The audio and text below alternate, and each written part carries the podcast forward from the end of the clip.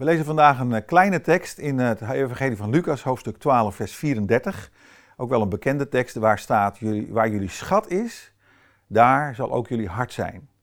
De Bijbel vergist zich niet. Datgene wat wij belangrijk vinden, datgene wat we waardevol vinden, dat is waar we ons voor inzetten. En dat is natuurlijk zo. Alleen als ik jou zou vragen: wat is echt belangrijk in je leven? Wat zou dan je antwoord zijn? En als je zoals ik christelijk opgevoed bent, dan ben je misschien geneigd om het wenselijke antwoord te geven. Ik weet nog dat ik een paar jaar geleden in een training zat en dat de trainer vroeg: wil je drie hobby's die je hebt opschrijven? Nou, zonder te aarzelen schreef ik drie hobby's op, maar er kwam nog een vraag achteraan. En dat was de vraag: hoeveel tijd heb je aan die hobby gegeven in de afgelopen vier weken?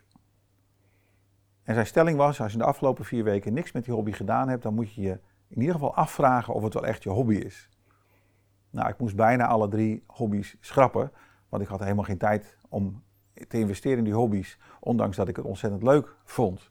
De waarheid is dat datgene wat we echt belangrijk vinden, daar investeren we tijd in, of dat nou ons werk is, of ons gezin, of onze kinderen, of, of inderdaad onze hobby's. De Bijbel zegt: zoek eerst het koninkrijk van God en al het andere zal je gegeven worden. De Bijbel geeft een prioriteit aan datgene wat belangrijk zou moeten zijn in ons leven.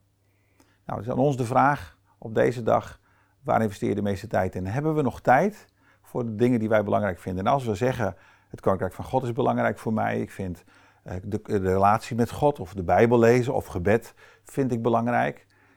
Aan ons de vraag, zijn dat, is dat meer dan woorden? Of zien we in ons dagelijks leven, of in ieder geval ergens in de planning van onze week, zien we dat terug, dat we het ook echt belangrijk vinden? De Bijbel zegt in ieder geval dat het belangrijk is en de Bijbel geeft ons deze les. Daar waar je schat is, daar zal ook je hart zijn. Daar, dat zal zich vertalen naar de praktijk van je leven. Iets om deze dag over na te denken.